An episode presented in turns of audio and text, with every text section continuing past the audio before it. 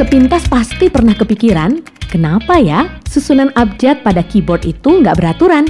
Keyboard atau dinamakan QWERTY sesuai dengan lima huruf pertamanya memang sengaja dibuat tidak beraturan karena zaman dulu banyak dari kata bahasa Inggris pakai huruf yang saling berdekatan yang mengakibatkan tuas pada mesin ketik saat itu sering kali menyangkut satu sama lain. Kemudian di tahun 1874, Christopher Soles memecahkan permasalahan tersebut dengan membuat keyboard QWERTY supaya huruf-huruf yang sering digunakan diletakkan berjauhan agar tuas tidak lagi saling menyangkut dan membuat keyboard lebih efisien pada saat dipakai.